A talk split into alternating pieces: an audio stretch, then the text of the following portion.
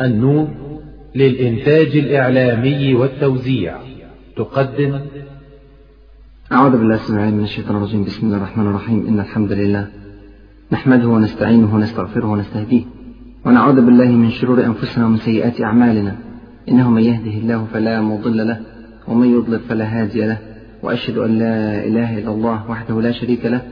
وأشهد أن محمدا عبده ورسوله. أما بعد فمع الدرس التاسع من دروس السيرة النبوية العهد المدني وكنا قد تحدثنا في الدروس السابقة عن غزوة بدر وعن الملابسات التي أدت إلى قيام الغزوة وعلى صفات الجيش المنتصر وعلى جنود الرحمن سبحانه وتعالى في غزوة الفرقان هذه أو في يوم الفرقان.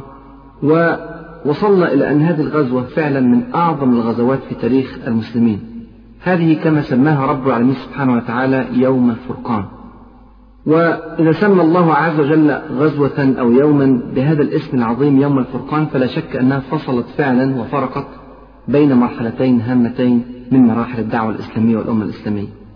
هي الذي يتذكر الوضع قبل غزوة بدر ويدرس الوضع بعد غزوة بدر يلاحظ الفارق الهائل بين حال المسلمين قبل وبعد هذه الغزوة العظيمة. وراجعوا وراجعوا الدروس اللي قلناها قبل كده على الفترة المدنية من أول الهجرة وإلى يوم بدر. غزوة بدر كان لها آثار ضخمة جدا هائلة. ليس فقط على المدينة المنورة ولا على مكة المكرمة ولكن على الجزيرة العربية بكاملها بل وعلى العالم بصفة عامة. وما زال لغزوة بدر إلى يومنا هذا آثار وسيكون لها آثار إلى يوم القيامة. فعلا يوم الفرقان. أول آثار بدر وأعظم آثار بدر هو الميلاد الحقيقي لأمة الإسلام. الميلاد الحقيقي للدولة الإسلامية بقيادة الرسول صلى الله عليه وسلم والجيش الإسلامي الذي ولد في هذه الغزوة هو الذي على أكتافه بعد ذلك وانشأت الدولة العظيمة دولة الإسلام. وتعرفنا في غزوة بدر على صفات الأمة المنتصرة صفات الجيش المنتصر. وعرف الصحابة رضي الله عنهم وأرضاهم هذه الصفات ودرسوها كويس. وبعد كده طبقوها في كل المعارك اللي انتصر فيها المسلمون. وإذا خالف المسلمون نقطة أو بعض النقاط من هذه الصفات تأتي الهزيمة وتأتي المصائب. لذلك غزوة بدر تعتبر معيار أو مقياس يجب أن يقيس عليه المسلمون أحوالهم. إن كانوا يطابقون هذه الصفات فلله الحمد والمنة والفضل. وإن كانوا غير ذلك فلا بد أن يعدلوا مسارهم ليعودوا إلى الطريقة التي سار عليها أهل بدر رضي الله عنهم أجمعين. أمة الإسلام ولدت بعد غزوة بدر. أصبح لها هيبة في الجزيرة العربية بكاملها. وبدأ الناس في كل الجزيرة تتساءل عن الإسلام وتتساءل عن المسلمين. قبل كده كانوا متخيلين الأمر مجرد خلاف داخلي داخل مكة. رجل من مكة خرج بشيء اعترض عليه قومه ظهر له أتباع الأتباع لهم أعداء حرب داخلية أهلية في داخل مكة المكرمة. ثم بعد ذلك لفتت أنظار العرب الهجرة إلى المدينة المنورة. لكن اللفت الحقيقي للأنظار كان بعد بدر. انتصار ضخم مهول أثر على الجزيرة بكاملها بدأت الناس تتساءل. من هم المسلمون؟ ما هو الإسلام؟ ولا شك أن هذا فتح للإسلام قلوبا كثيرة. يبقى دي كان أول أثر ومن أعظم الآثار. بدأ الرسول صلى الله عليه وسلم ينظم دولته كدولة مستقرة لها كيان مستقل لها احترام لها سمعة عظيمة في داخل الجزيرة العربية. الأثر برضه اللي نحب نتكلم عليه أثر غزوة بدر على المسلمين في داخل المدينة المنورة الذين لم يشاركوا في غزوة بدر الحقيقة لما وصل خبر نصر الإسلام في غزوة بدر إلى المدينة المنورة اختلطت بعض المشاعر في قلوب المسلمين المؤمنين. اختلطت مشاعر الفرح والسرور بهذا النصر العظيم بمشاعر الندم لعدم المشاركة في هذا النصر العظيم. طبعا نصر كبير جدا جدا التف المسلمون حول البشير. البشير كان زيد بن حارثة رضي الله عنه وأرضاه التفوا حوله يطمئنون على أخبار الرسول صلى الله عليه وسلم. طبعا الرسول صلى الله عليه وسلم ما رجعش مباشرة من بدر مكث في أرض بدر ثلاثة أيام كعادة الجيوش المنتصرة وبعد ذلك عاد إلى المدينة المنورة. لكن الخبر كان سبق واستقبلت وفود التهنئة الرسول صلى الله عليه وسلم بمنتهى الترحاب والفرح والسرور لكن في نفس الوقت جاء كثير من الأنصار رضي الله عنهم وأرضاهم يعتذرون لرسول الله صلى الله عليه وسلم بأنهم لم يشاركوا في بدر مع رغبتهم الأكيدة في الجهاد في سبيل الله.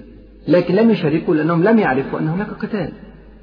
على سبيل المثال جاء له أسيد بن حضير رضي الله عنه وأرضاه وقال يا رسول الله الحمد لله الذي أظفرك وأقر عينك. والله يا رسول الله ما كان تخلفي عن بدر وأنا أظن أنك تلقى عدوا ولكن ظننت أنها عير. ولو ظننت أنه عدو ما تخلفت. فقال له صلى الله عليه وسلم صدقت هذه المشاعر مشاعر الندم التي جاءت في قلوب الأنصار والمهاجرين الذين لم يشاركوا في غزوة بدر ستؤدي بعد ذلك إلى بعض النتائج كما سنرى. سيكون لها أثر واضح إيجابي في مقدمات غزوة أحد كما سيتبين لنا.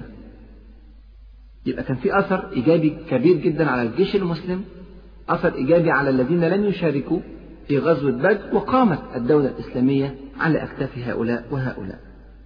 في نفس الوقت كان في أثر سلبي ضخم جدا جدا على المشركين على مشركي مكة على أهل قريش الذين خرجوا وفجعوا بهذه الفجيعة الضخمة في بدر. ضربة قاسمة هائلة لقريش. هزة عنيفة جدا جدا لكبرياء وكرامة وعزة قريش. قريش أمنع قبيلة في العرب أعز قبيلة في العرب. أكبر قبيلة في العرب لها تاريخ. كل قبائل العرب بتحترمها. لكن دلوقتي بعد بدر خلاص الوضع اتهز بشكل مريع. سبعين واحد من المشركين الذين شاركوا في بدر قتلوا. وسبعين تانيين اتأثروا. رقم هائل. سبعين واحد اتقتلوا وسبعين واحد اتأثروا. تخيل وقارن مع سرية نخلة. سرية نخلة اللي اتهزت ليها قريش وقلبت الجزيرة العربية وقامت بحرب إعلامية. كان مقتول فيها واحد ومأسور فيها اثنين. أنا عايزك تقارن وتعرف مدى المأساة التي وقعت على أهل قريش بعد هذه الغزوة العظيمة غزوة بدر. ومش أي سبعين يا إخوان. ده في هؤلاء السبعين عمالقة الكفر قادة الكفر وأئمة الضلال في الأرض. منهم فرعون هذه الأمة أبو جهل. ومنهم الوليد بن المغيرة. ومنهم عتبة بن ربيعة وشيبة بن ربيعة والنضر بن الحارث وعقبة بن أبي معيط. وأمية بن خلف أسماء ضخمة جدا جدا وغيرها. في أسماء كثيرة جدا من السبعين برضو مشهورة. هؤلاء جميعا قتلوا في يوم واحد. تخيل. يوم واحد. كل هؤلاء القادة فنوا في لحظة واحدة. شيء طبعا يشيب له الولدان. أنا عايزك تتخيل كده الخبر لما وصل مكة المكرمة. خبر بدر لما وصل مكة المكرمة. تعالوا نشوف الحيثمان ابن عبد الله الخزاعي. ده الراجل اللي وصل الرسالة إلى مكة.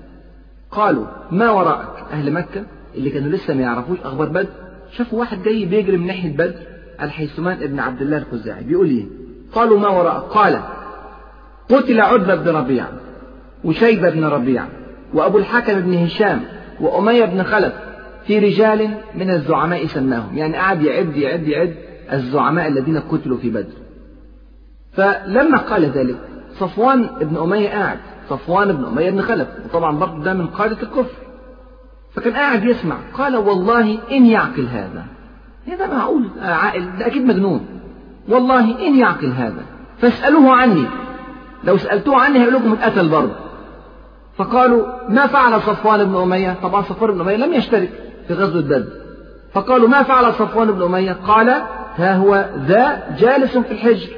قد والله رأيت أباه وأخاه حين قتلا. يعني أنا واعي جدا وفاهم جدا ومدرك الأمور كويس. أدي صفوان بن أمية قاعد وأبوه أمية بن خلف اتقتل وشفته وهو بيتقتل وأخوه علي بن أمية اتقتل وشفته برضه وهو بيتقتل. طبعا الخبر وقع كالصاعقة على أهل قريش. ومع ذلك مع كل هذا الكلام ما صدقوش. مستنيين رسول تاني. مش معقول كل دول اتقتلوا في يوم واحد. شوية وجاي مين؟ جاي أبو سفيان ابن الحارث ابن عبد المطلب. ابن عم رسول الله صلى الله عليه وسلم. ابن الحارث بن عبد المطلب عم رسول الله صلى الله عليه وسلم. أول ما شافه شافوا أبو لهب. قالوا تعالى إيه حكاية؟ أبو لهب زي ما أنتم عارفين ما خرجش في غزوة بدر فقال هلم إلي. أبو لهب بيكلم أبو سفيان بيقول له هلم إلي. فعندك لعمري الخبر. قال فجلس إليه. والناس قيام عليه. متخيل الموقف؟ أبو لهب بيسأل ابن أخوه أبو سفيان بن الحارث والناس كلها واقفة حوالين أبو لهب وحوالين أبو سفيان بن الحارث علشان يعرفوا أخبار بدر مش مصدقين الكلام اللي قاله الحيثمان. فقال أبو سفيان ما هو؟ وخلي بالك من كلماتي كلمات في منتهى الخطورة قال ما هو؟ إلا أن لقينا القوم فمنحناهم أكتافنا. سبحان الله. يعني ما هو؟ إلا أن لقينا القوم فمنحناهم أكتافنا. يقتلوننا كيف شاءوا ويأسروننا كيف شاءوا. سبحان الله. ثم يقول كلمة عجيبة جدا. يقول ويم الله. مع ذلك ما لمت الناس. يعني إيه ما لمت الناس؟ يعني أنا مش زعلان من المشركين إن هم منحوا أكتافهم للمسلمين. أنا عاذرهم جدا جدا. طب إزاي بتعذرهم؟ دول ألف والمسلمين 300 قال لقينا رجال بيض على خيل بلق بين السماء والأرض.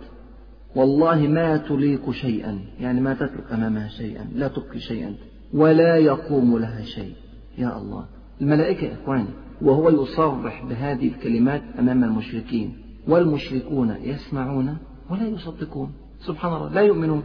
مع كل هذا الأمر إلا أنهم لا يؤمنون. أحد المسلمين الذين كانوا يخفون إسلامهم أبو رافع رضي الله عنه وأرضاه كان غلام للعباس رضي الله عنه. العباس طبعا كان في غزوة بدر واتأثر فمش موجود. فأول ما سمع الكلمتين دولت قال تلك والله الملائكة تلك والله الملائكة. فرفع أبو لهب يده وضربه في وجه ضربة شديدة جدا. طبعا موقف مش ناقص هو أبو لهب.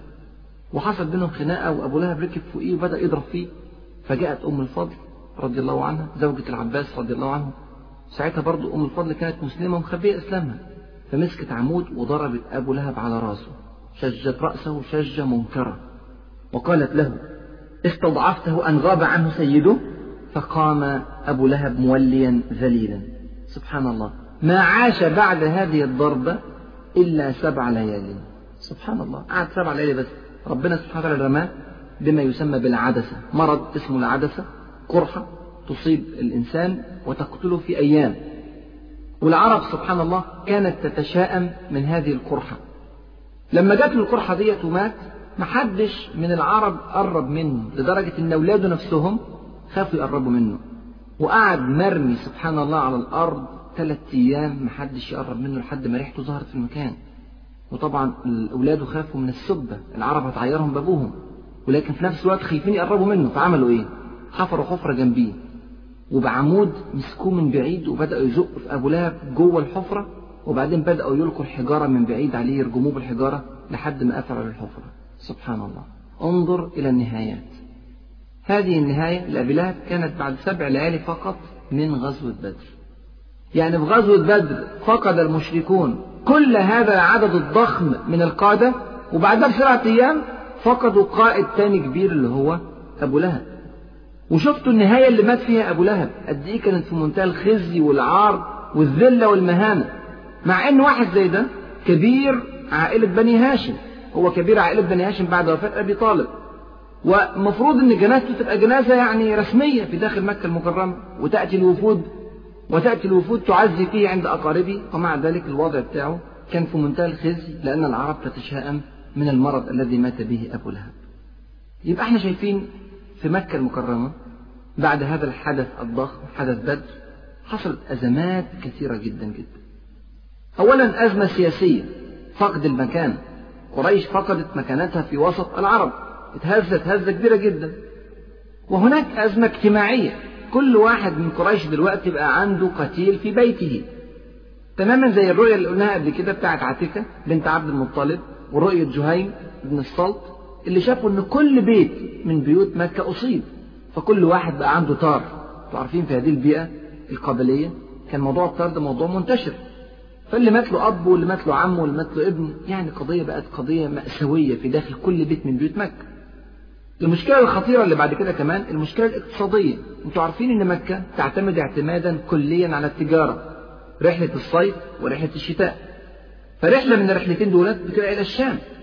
هذه الرحلة بوجود دولة في داخل المدينة المنورة لها من القوة بحيث تسيطر على المداخل والمخارج المؤدية إلى الشام هذه القوة ستمنع لا شك التجارة إلى الشام. لو منعت التجارة من الشام سقطت التجارة كليا في مكة المكرمة. مش بس مش بس تجارة الشام اللي هتتأثر لا تجارة اليمن كمان. لأنهم كانوا بيجيبوا تجارة من الشام يبيعوها في اليمن. ويجيبوا تجارة من اليمن يبيعوها في الشام وهكذا. فأحد الجناحين خلاص قطع. هتبقى مأساة اقتصادية حقيقية لأهل مكة المكرمة. وخلي بالكم مأساة سرية نخلة اللي كانت من شهر ونص بس لسه مأثرة على قريش. كانت قافلة ثرية جدا من قوافل قريش استولى عليها المسلمون وأدي قافلة أبو سفيان بالعافية نجت من بدر. وبعد كده هيبقى صعب جدا جدا على المشركين أن يتاجروا مع الشام. يبقى ده موقف مكة المكرمة. ولا شك أن أهل الكفر في قريش لن يسكتوا على هذا المصاب الفادح الذي أصابهم في بدر. يبقى ده الأثر الثالث من آثار غزوة بدر الكبرى. قلنا إن في أثر على المسلمين الذين شاركوا في غزوة بدر وعلى الدولة الإسلامية بصفة عامة كقيام دولة قوية في المنطقة وفي أثر على المسلمين الذين لم يشاركوا مشاعر الفرح بالانتصار العظيم ومشاعر الندم لعدم المشاركة وفي أثر سلبي ضخم على قريش بالهزيمة الساحقة التي تمت في غزوة بدر. الأثر الرابع لغزوة بدر الحقيقة كان أثر سلبي لكن على المؤمنين. وإحنا نستغرب إزاي في أثر سلبي على المؤمنين بعد هذا الانتصار الكبير في بدر. الحقيقة هذا الأثر كان نتيجة الغنائم التي حصلها المسلمون من غزوة بدر. الموضوع ده إن شاء الله هنتكلم عليه بالتفصيل بعد كده في مجموعة من المحاضرات هنفردها لأخطاء المؤمنين بصفة عامة ومنها هذا الخطأ الذي حدث في غزوة بدر. وهذا خطأ بين لأن عبادة بن الصامت رضي الله عنه وأرضاه يصف هذا الأمر ويتحدث ويقول فلما جاء أمر الأنفال وساءت فيه أخلاقنا. يتحدث عن الجيش المنتصر اللي فيه صفات عظيمة جدا جدا كما ذكرنا في الدروس السابقة إلا أنه في هذه القضية ساءت فيه الأخلاق كما قال عبادة بن الصامت رضي الله عنه وأرضاه. إيه قصة الغنائم دي. ببساطة شديدة المسلمون بعد انتهاء الجولة الأولى من بدر وبداية ظهور أن المسلمين بفضل الله قد حققوا الانتصار الباهر بدأ المشركون في الفرار وبدأوا يلقون الغنائم وراءهم فقسم المسلمون أنفسهم ثلاثة أقسام. قسم منهم حاوط الرسول صلى الله عليه وسلم بدأ يحمي الرسول صلى الله عليه وسلم خايف من أي حركة اغتيال لرسول الله صلى الله عليه وسلم. وقسم تاني بدأ يجري وراء الفارين من أرض المعركة. قريش فرت من أرض المعركة فبدأ قسم يطاردها والقسم ده كان في معظمه الشباب. وقسم ثالث بدأ يجمع الغنائم اللي موجودة في أرض المعركة. بعد انتهاء المعركة اختلف الناس على توزيع هذه الغنائم. وخلي بالك كان لسه ما نزلش حكم ربنا سبحانه وتعالى في توزيع الغنائم. كان لسه ما كان لسه موضوع أربع أخماس الغنائم توزع على الجيش لسه ما تشرعش. فقال الذين جمعوا الغنائم نحن حويناها. إحنا اللي خدناها. وليس لأحد فيها نصيب. يبقى عايزين ياخدوا كل الغنائم ليهم. وقال الذين خرجوا في طلب العدو لستم أحق بها منا. إحنا جرينا ورا العدو. نحن نحينا منها العدو وهزمناه. وقال الذين أحاطوا رسول الله صلى الله عليه وسلم خفنا أن يصيب العدو منه غرة فاشتغلنا به. فإحنا برضو لنا نصيب في الغنيمة. وبدأ نوع من الخلاف والشقاق بين المسلمين. سبحان الله. أنا عايز أقول لإخواني إن مش معنى إن في جيش منصور وفيه صفات النصر الكاملة إنه بلا أخطاء. في الآخر دولة برضو بشر. كل بني آدم خطاء. وخير الخطائين التوابون. حصل الخلاف وبدأ كل طرف عايز ياخد من الغنيمة. الغنيمة ديت هي إيه؟ هي الدنيا يا إخواني. المسلمين في المعركة كلها كانوا طالبين الآخرة فتم لهم النصر. لما ظهرت لهم الدنيا وعمرهم قبل كده ما اختبروا في اختبار الدنيا 13 سنة في مكة من القهر والتعذيب والبطش والفقر وحالات الأذى المستمر. آدي فترة مكة وبعدين أول سنتين في المدينة المنورة سنوات صعبة عسيرة شاقة جدا جدا على المسلمين. أول مرة دلوقتي يشوفوا غنائم وخلي بالك وخلي بالك المسلمين لما كانوا خارجين من المدينة المنورة ورايحين بدر كانوا في حالة من الفقر الشديد لدرجة أن الرسول صلى الله عليه وسلم كان يرفع يده ويقول اللهم إنهم جياع فأطعمهم اللهم إنهم حفاة فاحملهم اللهم إنهم عراة فاكسهم دلوقتي في غنائم ضخمة. موجودة على أرض الموقعة في بدر. فالناس محتاجة يا إخواني. طبعا ده كله مش مبرر للخطأ لكن دي خلفيات الخطأ. حصل الخلاف وحصل الشقاق. ونزل قول الله عز وجل يشرح للمسلمين كيفية تقسيم الغنائم. لكن قبل ما يشرح كيفية تقسيم الغنائم ادهم درس في منتهى الأهمية. نزل سورة الأنفال سبحانه وتعالى وفي أول السورة يسألونك عن الأنفال. يستنكر رب العالمين سبحانه وتعالى على المسلمين الذين حققوا هذا الانتصار المبهر في غزوة بدر أن يهتموا بأمر الدنيا للدرجة التي ينشأ فيها خلاف بينهم يسألونك عن الأنفال. قل الأنفال لله والرسول. فاتقوا الله وأصلحوا ذات بينكم وأطيعوا الله ورسوله إن كنتم مؤمنين. وبعدين يبتدي يعرف لهم إيه هو الإيمان. يعرض تماما عن الجهاد في سبيل الله والبذل في سبيل الله والقتال في سبيل الله وأرض بدر واللي حصل فيها سبحان الله فيها أحداث ضخمة جدا جدا من أحداث الإيمان.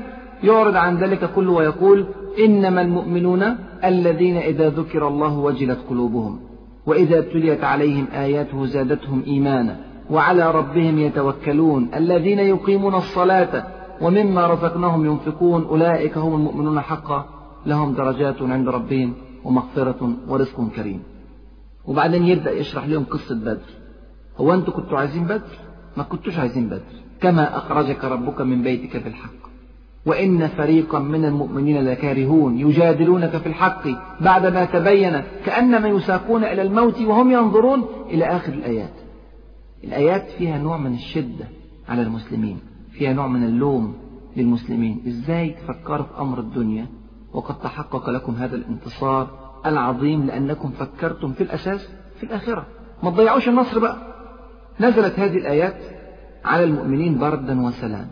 مجرد ما سمعوا الآيات ثابوا إلى رشدهم جميعا. عادوا إلى الله عز وجل. اجتمعت القلوب من جديد وقبلوا بأمر الله عز وجل. وده فرق ضخم جدا جدا بين موقعة بدر وموقعة أحد. المسلمين في بدر ما خرجوش عن كونهم من البشر. يخطئون كما يخطئ عامة البشر. لكن عندما ذكروا بالله عز وجل تذكروا. أما في غزوة أحد كما سنتبين إن شاء الله عندما أخطأ المسلمون ونفس الخطأ اللي حصل ده هو خطأ الغنايم خطأ الدنيا وذكروا لم يتذكروا فكانت المصيبة. الكلام ده هنعرفه بالتفصيل في غزوة أحد.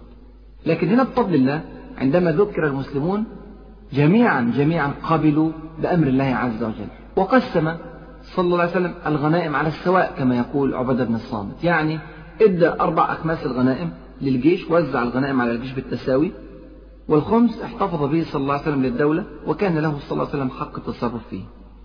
وهو لا تشريع الغنائم الذي يسير إلى يومنا هذا وإلى يوم القيامة. الموضوع ده طبعا فيه تفصيلات وفي كلام كتير ممكن يتقال لكن خلي بالك ظهر الآن مرض سيكبر بعد ذلك في قلوب المسلمين. وسيكون له آثار بعد سنة من هذا اللقاء من غزوة بدر في غزوة أحد إن شاء الله. ده كان أثر من الآثار الخطيرة لغزوة بدر. الأثر الخامس لغزوة بدر أثر على الأسرى الذين أسرهم المسلمون في غزوة بدر.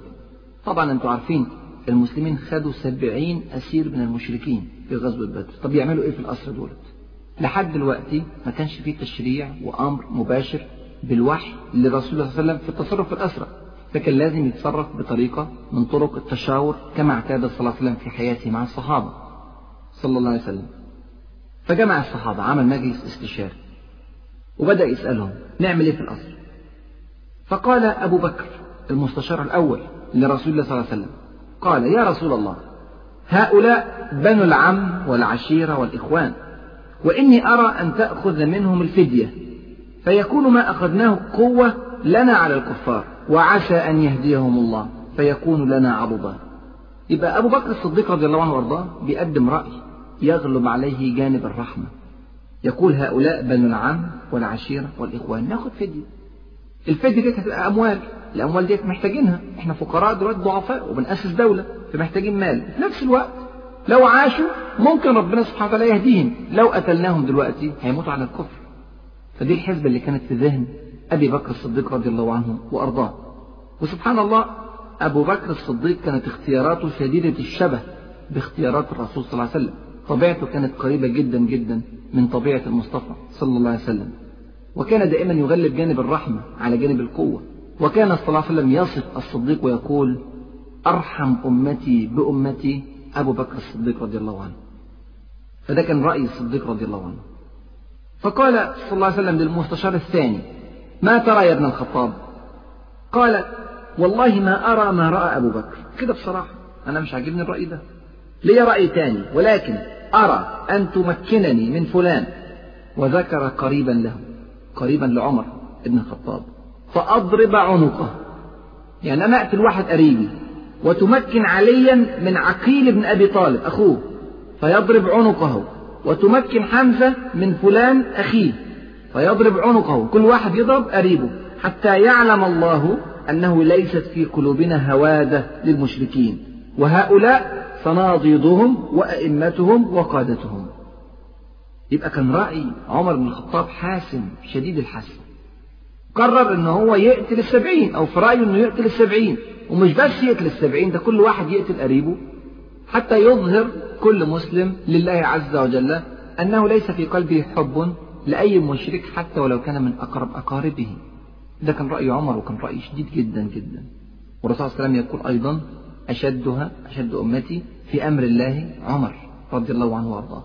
يبقى دولت اختيارين والاثنين مبنيين على حب كامل لله عز وجل وحب كامل لأمر الدعوة وأمر الدولة الإسلامية. بس كل واحد بطريقة والاثنين مختلفين تمام الاختلاف. واحد بيقول ناخد الفدية واحد بيقول نقتل الأسرى فهوى رسول الله صلى الله عليه وسلم ما قال أبو بكر الصديق كما يقول عمر بن الخطاب. هذه الرواية برواية عمر بن الخطاب نفسه رضي الله عنه. يقول فهوى رسول الله صلى الله عليه وسلم ما قال أبو بكر ولم يهوى ما قلت وأخذ منهم الفداء. فلما كان من الغد ثاني يوم قال عمر فغدوت إلى النبي صلى الله عليه وسلم وأبي بكر وهما وخلي بالك يبكيان. ثاني يوم سيدنا عمر رايح يشوف أبو بكر والرسول صلى الله عليه وسلم لقاهم قاعدين بيبكوا. فقلت يا رسول الله أخبرني ماذا يبكيك أنت وصاحبك. فإن وجدت بكاء بكيت وإن لم أجد بكاء تباكيت لبكائكما. يا سلام. يعني لو كان في حاجة تستدعي البكاء أبكي طبيعي. لو ما كانش في حاجة أتباكى. علشان أبقى زيكم. أنا مش متخيل إن يكون حياتي مختلفة عن حياتكم ومشاعري مختلفة عن مشاعركم. سبحان الله. أحاسيس راقية جدا جدا في قلب سيدنا عمر رضي الله عنه وأرضاه. قال له صلى الله عليه وسلم للذي عرض علي أصحابك من أخذهم الفداء.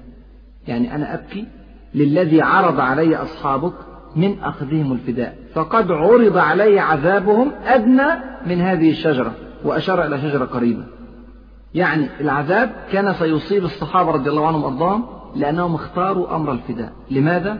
لأن الأولى في هذا الموقف ما أوحى الله عز وجل به لنبيه الكريم صلى الله عليه وسلم بأن يثخن في الأرض بمعنى أن يقتل الأسرى لأن هؤلاء كما قال عمر قبل ذلك صناديد الكفر وأئمة الكفر وقادة الكفر في الأرض. أنزل الله عز وجل قوله ما كان لنبي أن يكون له أسرى حتى يثخن في الأرض. يكثر القتل. حتى يثخن في الأرض. تريدون عرض الدنيا؟ أنتم عايزين الفداء؟ عايزين الأموال؟ تريدون عرض الدنيا؟ والله يريد الآخرة. والله عزيز حكيم. ثم قال لولا كتاب من الله سبق لمسكم فيما أخذتم عذاب عظيم. العذاب العظيم ده هو اللي كان الرسول صلى الله عليه وسلم بيتكلم عنه قدام سيدنا عمر بن الخطاب الذي عرض على رسول الله صلى الله عليه وسلم قريبا من الشجرة. طب إيه هو الكتاب اللي سبق؟ لولا كتاب من الله سبق لمسكم فيما أخذتم عذاب عظيم. الكتاب الذي سبق هو الآيات التي نزلت قبل ذلك في سورة محمد صلى الله عليه وسلم. قال الله عز وجل في حق الأسرى في سورة محمد فإما منا بعد وإما فداء. يعني أمر الفداء أمر مشروع. نعم الأولى هنا كان أن يسخن في الأرض كما قال الله عز وجل لكن أخذ الفداء برضه أمر شرعي كما ذكر الله عز وجل. كان على نفس فكر سيدنا عمر بن الخطاب سيدنا سعد بن معاذ رضي الله عنه وأرضاه. والكلام ده قالوا بدري جدا جدا. قالوا من ساعة ما بدأ المسلمون في أسر المشركين في أرض بدر حتى قبل الاستشارة. الرسول صلى الله عليه وسلم بص لسعد بن معاذ لقاه حزين لأن المسلمين بدأوا في أسر المشركين. فقال له والله لكأنك يا سعد تكره ما يصنع القوم تكره أن يأسر المسلمون المشركين. قال أجل والله يا رسول الله كانت أول وقعة أوقعها الله بأهل الشرك. الكلام ده لسعد بن معاذ.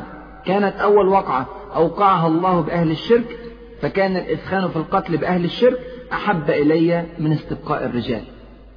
فده كان رأي سعد بن معاذ رضي الله عنه وأرضاه. لكن استقر المسلمون على أمر الفداء ولما ربنا سبحانه وتعالى أوحى بالآيات لم ينكر عليهم هذا الأمر. نعم هو قال أن الأولى كان كذا أو كذا لكن أقر أن يأخذ المسلمون الفداء. وبدأ بالفعل المسلمون في أخذ الفداء. اللي كان معاه مال كان بيدفع مال. والمال كان يتراوح من ألف إلى أربعة آلاف درهم للرجل حسب الحالة المادية بتاعته. من أروع الأمثلة التي تذكر في أمر الفداء ما دار بين الرسول صلى الله عليه وسلم وبين العباس ابن عبد المطلب مع عم الرسول صلى الله عليه وسلم وقد كان أسيرا في يوم بدر. أنتوا عارفين العباس ابن عبد المطلب خرج مستكرها إلى غزوة بدر. وقاتل مع المشركين في غزوة بدر. وأسر مع من أسر. فالعباس رجل غني معه أموال. فسوف يدفع فدية ليفتدي نفسه. فدار هذا الحوار اللطيف بينه وبين رسول الله صلى الله عليه وسلم. وخلي بالك هذا الحوار ينقل درجة من أعظم درجات الرقي في قيادة الدول. ما فيش أي نوع من الوساطة ما فيش أي نوع من المحاباة للأقارب أو الأهل أو العشيرة. شوف الرسول صلى الله عليه وسلم. قال العباس لرسول الله صلى الله عليه وسلم. يا رسول الله قد كنت مسلما. يعني أنا كنت مسلم ومخفي إسلامي. فما تاخدش مني الفداء أطلقني هكذا. فقال صلى الله عليه وسلم الله أعلم بإسلامك. فإن يكن كما تقول فإن الله يجزيك. وأما ظاهرك فقد كان علي فافتدي نفسك. سبحان الله. فبيقول له أنت الظاهر بتاعك في أرض الموقع بتحاربنا جواك إيه؟ الله أعلم. جواك ربنا هيحاسبك عليه. إنما اللي عليك دلوقتي إنك تدفع الفدية بتاعتك كمشرك. مش بس كده. فافتدي نفسك وابني أخويك نوفل ابن الحارث بن عبد المطلب وعقيل ابن أبي طالب ابن عبد المطلب. ومش بس ده لا وحليفك عتبة ابن عمرو. يعني تدفع فديتك وكمان ثلاثة معاك أربعة. لأن الثلاثة دول فقراء وأنت غني تقدر تدفع فدية للأربعة ليك وللثلاثة التانيين. فقال العباس ما ذاك عندي يا رسول الله. أنا معيش هذا الكم من الأموال أدفع به فدية الأربعة فقال صلى الله عليه وسلم فأين المال الذي دفنته أنت وأم الفضل؟ فقلت لها إن أصبت في سفري هذا فهذا المال الذي دفنته لبني الفضل وعبد الله وكثم. الرسول صلى الله عليه وسلم بيقول له على حاجة ما شافهاش الرسول صلى الله عليه وسلم لكن علمها بالوحي. بيحكي له حكاية حصلت قبل ما العباس يخرج لبدر وهو في مكة. دفن مال خد مال كثير له مع أم الفضل وحكى له الموقف تماما. سبحان الله. قال العباس والله يا رسول الله إني لأعلم أنك رسول الله. إن هذا الشيء ما علمه أحد غيري وغير أم الفضل. فاحسب لي يعني خلاص اقتنع دلوقتي أنه رسول ويقسم أنه رسول. وخلاص أنا عارف أن في مال موجود هناك وهدفع الفدية. لكن فاحسب لي يعني بيعمل نوع من المفاوضات أو المساومات مع رسول الله صلى الله عليه وسلم. فاحسب لي يا رسول الله ما أصبتم مني عشرين أوقية من مال كان معي. يعني أنا كان معايا في أرض بدر عشرين أوقية من المال. خدتوها غنايم. احسبها من الفدية. فقال صلى الله عليه وسلم ذاك شيء أعطانا الله تعالى منك. لا مش هنحسبها من المال. مش هنحسبها من الفدية سبحان الله ده خلاص خدناه. ادفع اللي عليك انت وولاد اخواتك وحليفك.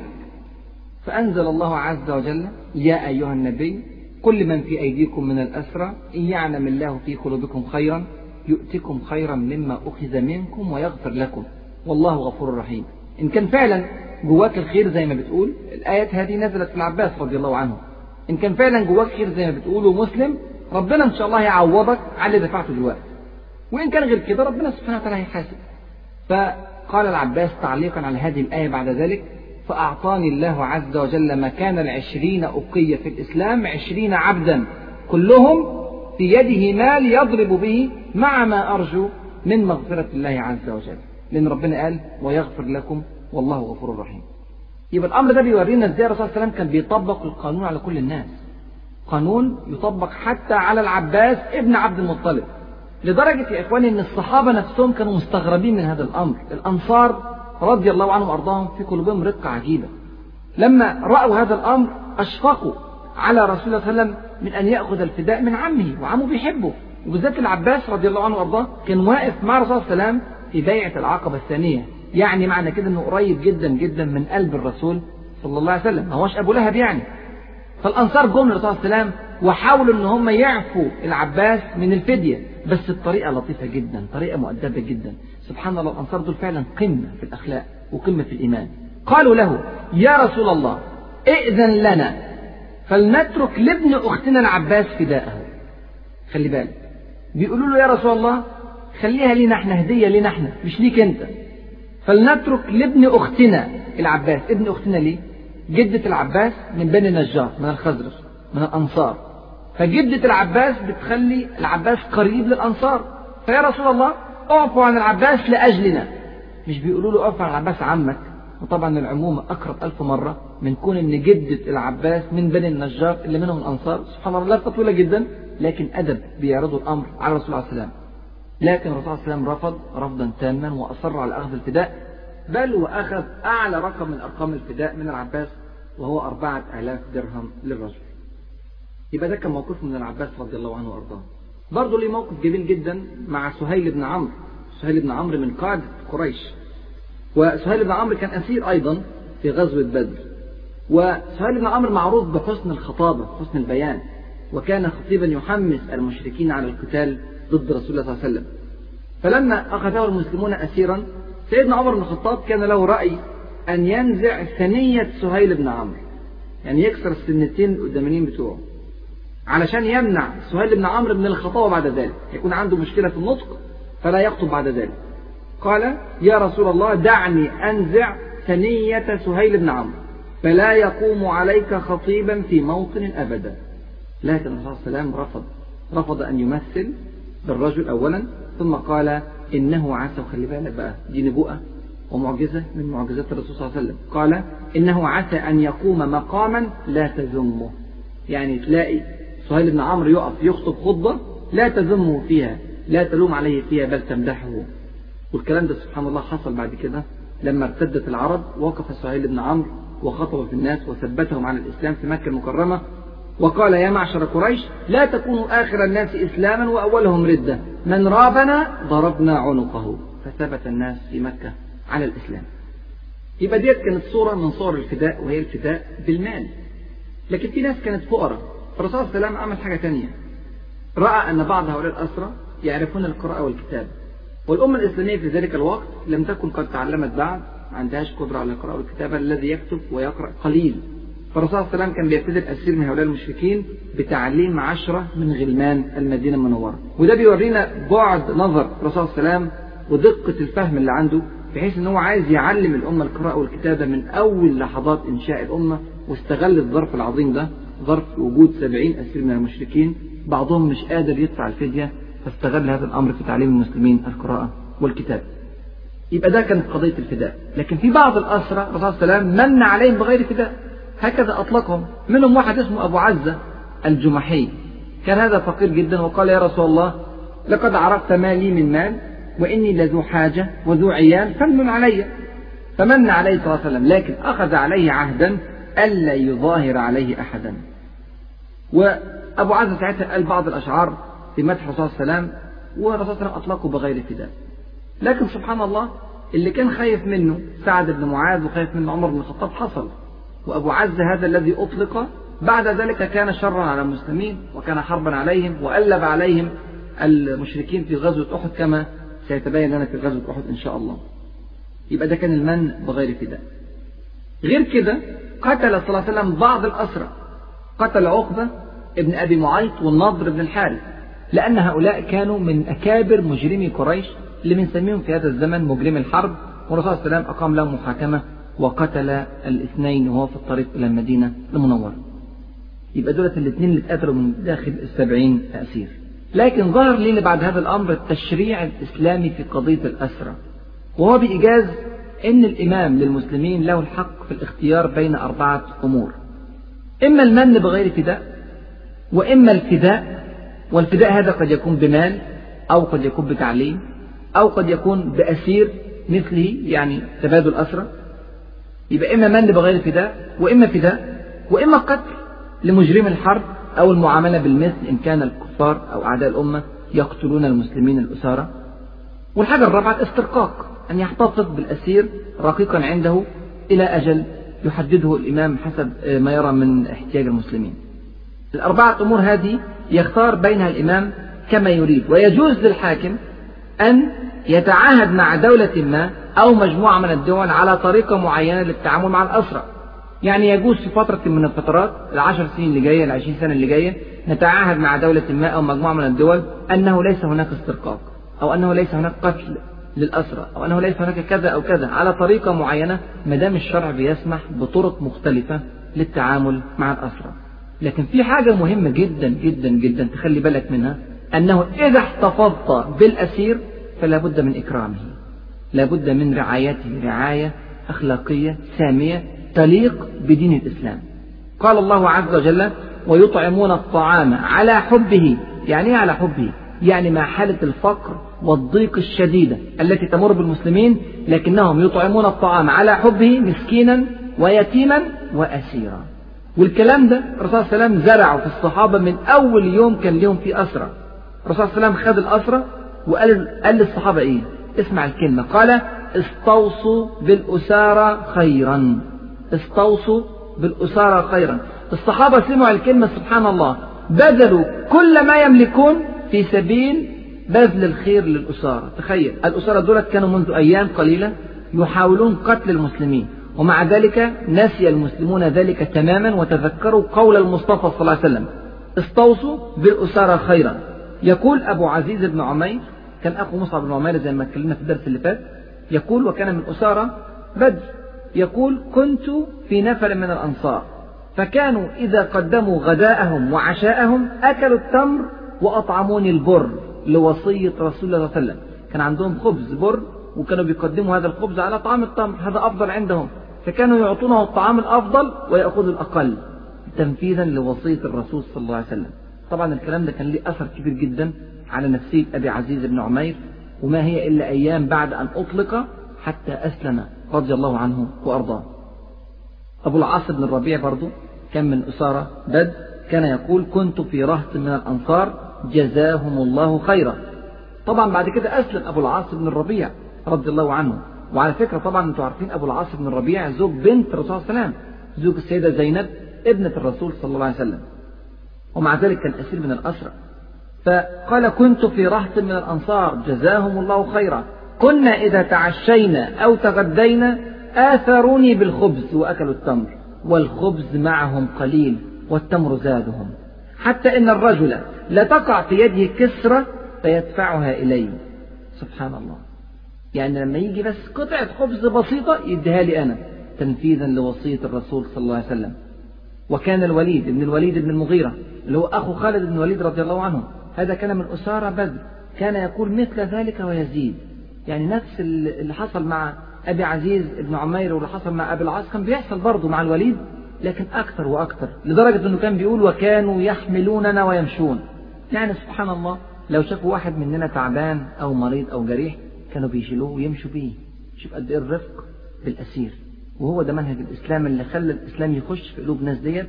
أسلم أبو العاص بن الربيع أسلم أبو عزيز بن عمير أسلم السائب ابن عبيد أسلم الوليد بن الوليد وهكذا. يبقى ده كان الأثر الخامس من أثار غزوة بدر وعرفنا فيه التشريع الإسلامي في قضية الأسارة في بدر وفي غيرها. الأثر السادس هو أن الأزمة الضخمة التي مرت بقريش أزمة سياسية واقتصادية واجتماعية زي ما أنتم شايفين دفعت قريش إلى التفكير في غزو المدينة المنورة. أصبحت المدينة المنورة في موضع قلب جدا موضع خطير جدا. وليس فقط غزو المدينة المنورة بل محاولة قتل الرسول صلى الله عليه وسلم نفسه. ظهرت أكثر من محاولة هقول لكم منها اثنين واحدة منهم كانت لعمير بن وهب الجمحي. عمير بن وهب كان موتور. عنده مشكلة كبيرة. ابنه اتأثر في غزوة بدر. ابنه وهب ابن عمير بن وهب أسر في غزوة بدر. فعايز يرجع ابنه في نفس الوقت جواه حقد كبير جدا جدا على رسول الله صلى الله عليه وسلم. فقاعد مع صفوان بن أمية في الحج يتذاكران سويا أمر بدر. طبعا صفوان بن أمية هو كمان عنده مشكلة. أبوه وأخوه ماتوا في بدر. أبوه أمية بن خلف وأخوه علي بن أمية. فقال صفوان والله إن في العيش بعدهم خير. مفيش خير هنعيش إزاي؟ وكل الناس دي ماتت. قال له عمير صدقت والله. أما والله لولا دين علي ليس له عندي قضاء وعيال أخشى عليهم الضيعة بعدي لركبت إلى محمد حتى أقتله. فإن لي قبلهم علة ابني أسير في أيديهم. يعني إيه الكلام ده؟ يعني أنا عندي مشكلة عليا دين؟ وعندي عيال كتير. لولا الاثنين دول كنت رحت المدينة المنورة أقتل محمد صلى الله عليه وسلم. ليه؟ هدخل المدينة المنورة بسهولة ببساطة. أنا عندي أسير هناك هدخل أقول أنا عايز أفدي الأسير. أول ما دخلت هات الرسول صلى الله عليه وسلم. فاغتنمها صفوان. قال دي فرصة كويسة. أنت عندك علة واضحة لدخول المدينة المنورة. أنا أحل لك مشكلتك علي دينك. أنا أقضيه عنك. وعيالك مع عيالي. أواسيهم ما بقوا. يعني حللوا كل المشاكل. طبعا بيدفعوا دفعة شيطانية إلى الذهاب لقتل رسول الله صلى الله عليه وسلم. عمير سمع الكلمتين دولت؟ قال تكتم عني شأني وشأنك. خليها سر بيني وبينك. قال أفعل. بعدين عمير قام أعد السيف بتاعه شحذ السيف كويس وسمه. قعد حطه في السن يومين ثلاثة. عشان إذا ضرب به الرسول صلى الله عليه وسلم ضربة لا يخرج منها أبدا حيا. وبالفعل خد نفسه وطلع على المدينة المنورة. ودخل المدينة المنورة. مر على مجموعة من الأصحاب رضي الله عنهم وأرضاهم قاعدين بيتكلموا في أمر بدر. كان جوه الأصحاب هؤلاء عمر بن الخطاب رضي الله عنه. قال عمر لما رأى عمير بن وهب طبعا كان عنده فراسة شديدة سيدنا عمر رضي الله عنه. قال هذا الكلب عدو الله. عمير ما جاء إلا لشر. وبعدين بسرعة دخل الرسول صلى الله عليه وسلم قال له يا نبي الله هذا عدو الله عمير قد جاء متوشحا سيفه. قال صلى الله عليه وسلم في بساطة فأدخله علي فسيدنا عمر هيدخل عمير لكن مش مطمن. قال فلببه بحمالة سيفه. يعني مسكه بالسيف بتاعه وحطه على رقبته ومدخله متكتف الرسول صلى الله عليه وسلم. ولم يكتفي بذلك عمر بن الخطاب بل قال لرجال من الأنصار ادخلوا على رسول الله صلى الله عليه وسلم فاجلسوا عنده واحذروا عليه من هذا الخبيث فإنه غير مأمون. ثم دخل به. الرسول صلى الله عليه وسلم شاف عمر بن الخطاب ماسك عمير بن وهب مكتفه. قال له أرسله يا عمر. بمنتهى البساطة سبحان الله. أرسله يا عمر. ادن يا عمير قرب فدنا وقال أنعموا صباحا. صباح الخير يعني. فقال النبي صلى الله عليه وسلم قد أكرمنا الله بتحية خير من تحياتك يا عمير. بالسلام. تحية أهل الجنة. ثم قال ما جاء بك يا عمير؟ قال جئت لهذا الأسير الذي في أيديكم فأحسنوا فيه. ابنه. فقال صلى الله عليه وسلم فما بال السيف في عنقك؟ قال قبحها الله من سيوف وهل أغنت عنا شيئا؟ عملت لنا إيه بدر يعني السيوف دي. قال صلى الله عليه وسلم اصدقني ما الذي جئت له. قال ما جئت إلا لذلك. لكن سبحان الله تضحك على مين قال صلى الله عليه وسلم خلي بالك بقى. قال بل قعدت أنت وصفوان بن أمية في الحجر فذكرتما أصحاب القليب من قريش. ثم قلت لولا دين علي وعيال عندي لخرجت حتى أقتل محمدا. فتحمل صفوان بدينك وعيالك على أن تقتلني. والله حائل بينك وبين ذلك. يا الله. تخيل موقف عمير. يعمل إيه عمير في موقف زي ده؟ ما لقاش قدامه إلا حاجة واحدة. قال أشهد أنك رسول الله. قد كنا يا رسول الله والله نكذبك بما كنت تأتينا به من خبر السماء. وما ينزل عليك من الوحي. وهذا أمر الحكاية اللي حصلت بيني وبين صفوان هذه وهذا أمر لم يحضره إلا أنا وصفوان. فوالله إني لأعلم ما أتاك به إلا الله. فالحمد لله الذي هداني للإسلام وساقني هذا المساق. سبحان الله. شوف ربنا جايبه بأي طريقة. جايبه عشان يأتي الرسول صلى الله عليه وسلم فتكون النتيجة أنه يدخل في الإسلام ويصبح من أعظم صحابة الرسول صلى الله عليه وسلم. ترتيب رباني عجيب سبحان الله. ثم تشهد عمير بن وهب شهادة الحق شهد أنه لا إله إلا الله وأن محمد رسول الله فقال صلى الله عليه وسلم لأصحابه فقهوا أخاكم في دينه وأقرئوه القرآن وأطلقوا له أسيره. صفوان طبعا قاعد في مكة المكرمة مستني الخبر مستني يجي له خبر قتل الرسول عليه السلام ويقول لأهل مكة أبشروا بوقعة تأتيكم الآن تنسيكم وقعة بدر. وكان يسأل كل من قدم إلى مكة عن عمير بن وهب حتى أخبره الراكب اللي جاي من المدينة أنه أسلم. فحلف صفوان ألا يكلمه أبدا. سبحان الله.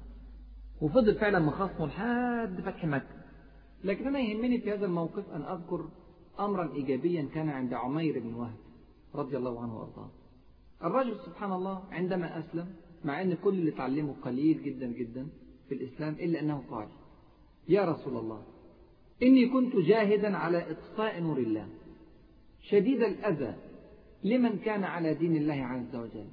وأنا أحب أن تأذن لي وخلي بالك بقى. وأنا أحب أن تأذن لي فأقدم مكة فأدعوهم إلى الله تعالى وإلى رسوله صلى الله عليه وسلم وإلى الإسلام. لعل الله يهديهم وإلا خلي بالك وإلا آذيتهم في دينهم كما كنت أوذي أصحابك في دينهم. سبحان الله. قال فأذن له صلى الله عليه وسلم فلاحق بمكة.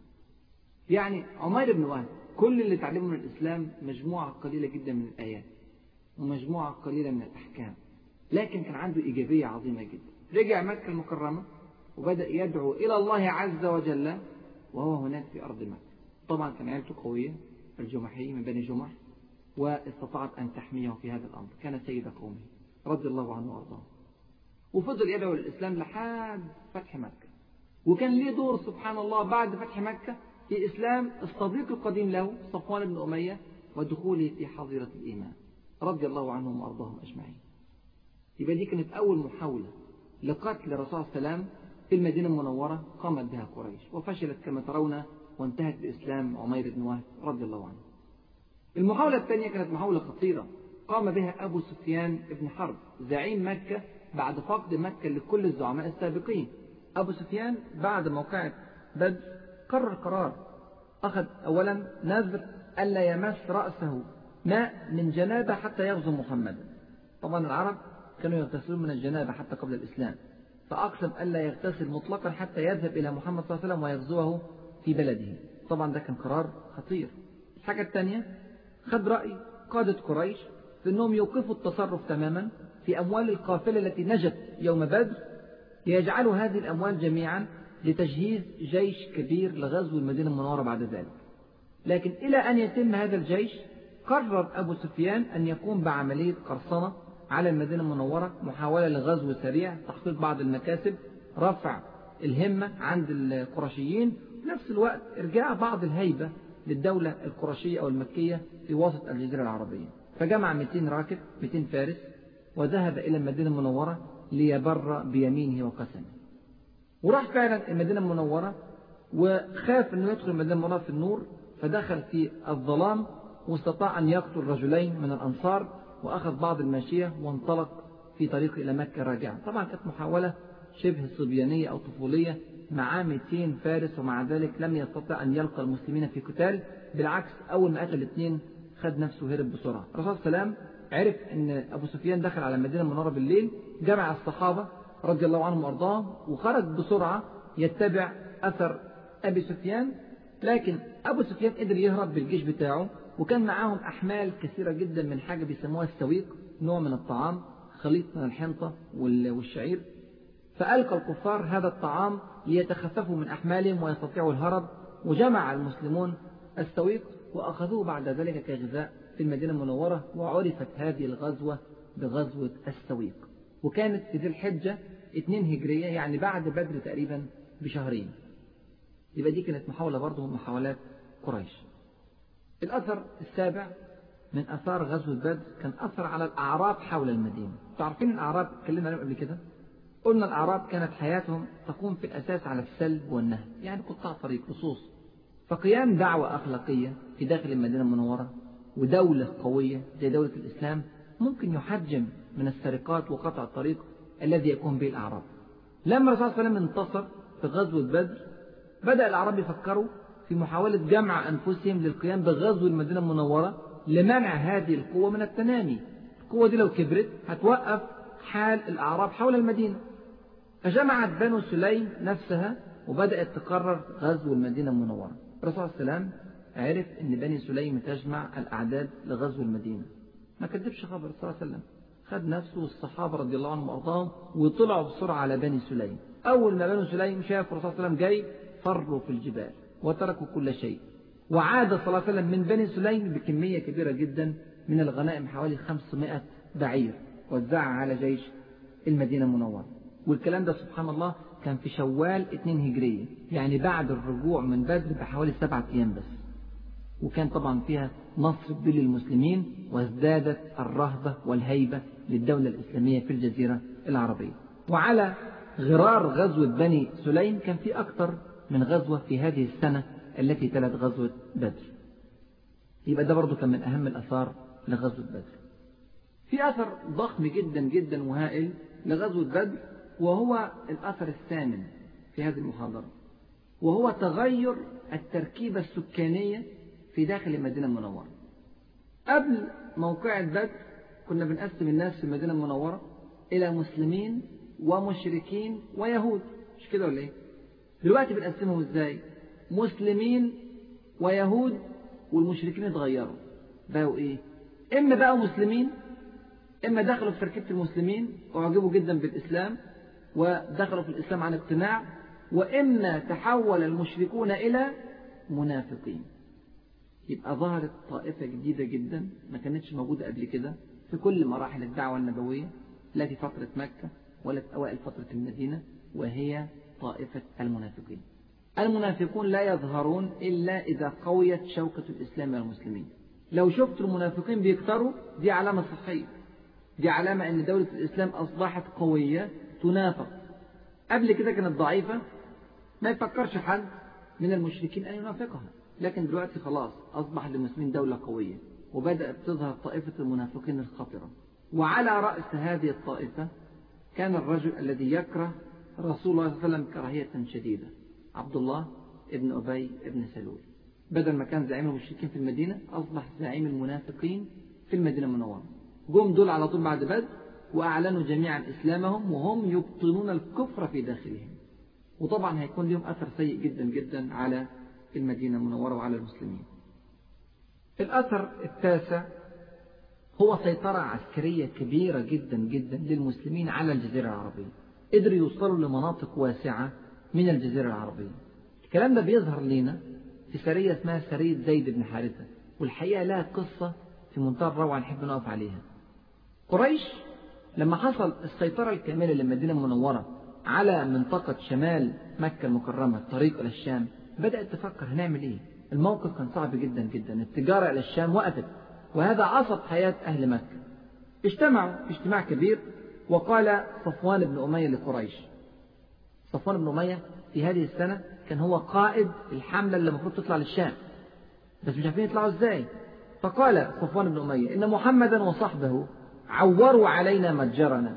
فما ندري كيف نصنع بأصحابه وهم لا يبرحون الساحل اللي هو ساحل البحر الأحمر. وأهل الساحل قد وادعوهم ودخل عامتهم معه فما ندري أين نسلك. وإن أقمنا في دارنا هذه أكلنا رؤوس أموالنا فلم يكن لها من بقاء. وإنما حياتنا بمكة على التجارة إلى الشام في الصيف وإلى اليمن في الشتاء. طب نعمل إيه؟ نتصرف إزاي؟ فقام الأسود ابن عبد المطلب وقال لصفوان ولمن معه من المشركين؟ قال اترك طريق الساحل وخذ طريق العراق. طريق العراق ده إخواني طريق طويل جدا جدا. يخترق نجد إلى الشام بيمر في شرق المدينة بس على بعد كبير جدا جدا منها. وقريش نفسها ما كانتش تعرف الطريق ده هو. تحتاج إلى دليل ودليل ماهر عشان يلف بها هذا الطريق الوعر الصعب حتى يصلوا إلى الشام. وبالفعل وافقت قريش على هذا الرأي واختارت أحد الأدلة كان اسمه فرات ابن حيان من بني بكر بن وائل وأخذوه دليل ليهم يوصلهم للشام عن طريق نجد. وخرجت عير قريش بقيادة صفوان بن أمية. وخدت الطريق الجديد وسبحان الله المخابرات الإسلامية نقلت الأخبار ووصل الخبر إلى المدينة المنورة. وبسرعة الرسول صلى الله عليه وسلم جهز سرية على رأسها زيد بن حارثة رضي الله عنه وأرضاه. قوام السرية مئة راكب. وبسرعة راحوا لمكان يقطع الطريق على القافلة ولقوا فعلا القافلة ومسكوها. سبحان الله. وصفوان بن أمية واللي معاه من حراس القافلة كلهم هربوا. وسابوا فرات بن حيان اللي هو كان دليل القافلة وأخذوا المسلمون سبحان الله أسير وخذوا القافلة بكاملها. سبحان الله. غنيمة كبيرة جدا من الأواني والفضة التي كانت تحملها القافلة للتجارة في الشام. قدرت قيمة هذه القافلة بمئة ألف دينار. قسمت على أفراد السرية بعد أن أخذ منها الرسول صلى الله عليه وسلم الخمس. وسبحان الله بعد كده أسلم فرات بن حيان الأسير. لكن كانت ضربة في منتهى القوة لقريش مأساة شديدة نكبة كبيرة أصابت قريشا بعد بدر. خلي بالك الكلام ده كان في جمادة الآخرة سنة ثلاثة هجرية يعني بعد حوالي عشر شهور من غزوة بدر. يعني معنى كده إن سيطرة المسلمين على الجزيرة العربية ما كانتش عابرة ما كانتش شهر أو شهرين لا كانت مستمرة. الموقف ده كان لازم هيخلي قريش تتحرك لهجوم كاسح شامل على المدينة المنورة ودي هتكون مقدمات غزوة أحد. فاضل لنا أثر عاشر هام جدا جدا من أثار غزوة بدر بس حال الوقت لا يتسع للحديث عنه وهو أثر غزوة بدر على اليهود في داخل المدينة المنورة. يا ترى اليهود وبالذات يهود بني قينقاع اللي كانوا عايشين وسط المدينة المنورة عملوا إيه كرد فعل لهذا الأمر؟ ويا ترى يهود بني النضير عملوا إيه وبني قريظة عملوا إيه؟ على ضوء رد الفعل بتاعهم هيكون التصرف بتاع رسول الله صلى الله عليه وسلم. هذا أمر يحتاج إلى تفصيل وسوف نفرد له إن شاء الله حديثا في الدرس القادم. وأسأل الله عز وجل أن يجمعنا على الخير دائما وأن يعلمنا ما ينفعنا وأن ينفعنا بما علمنا إنه ولي ذلك والقادر عليه. السلام عليكم ورحمة الله وبركاته. مع تحيات النور للإنتاج الإعلامي والتوزيع.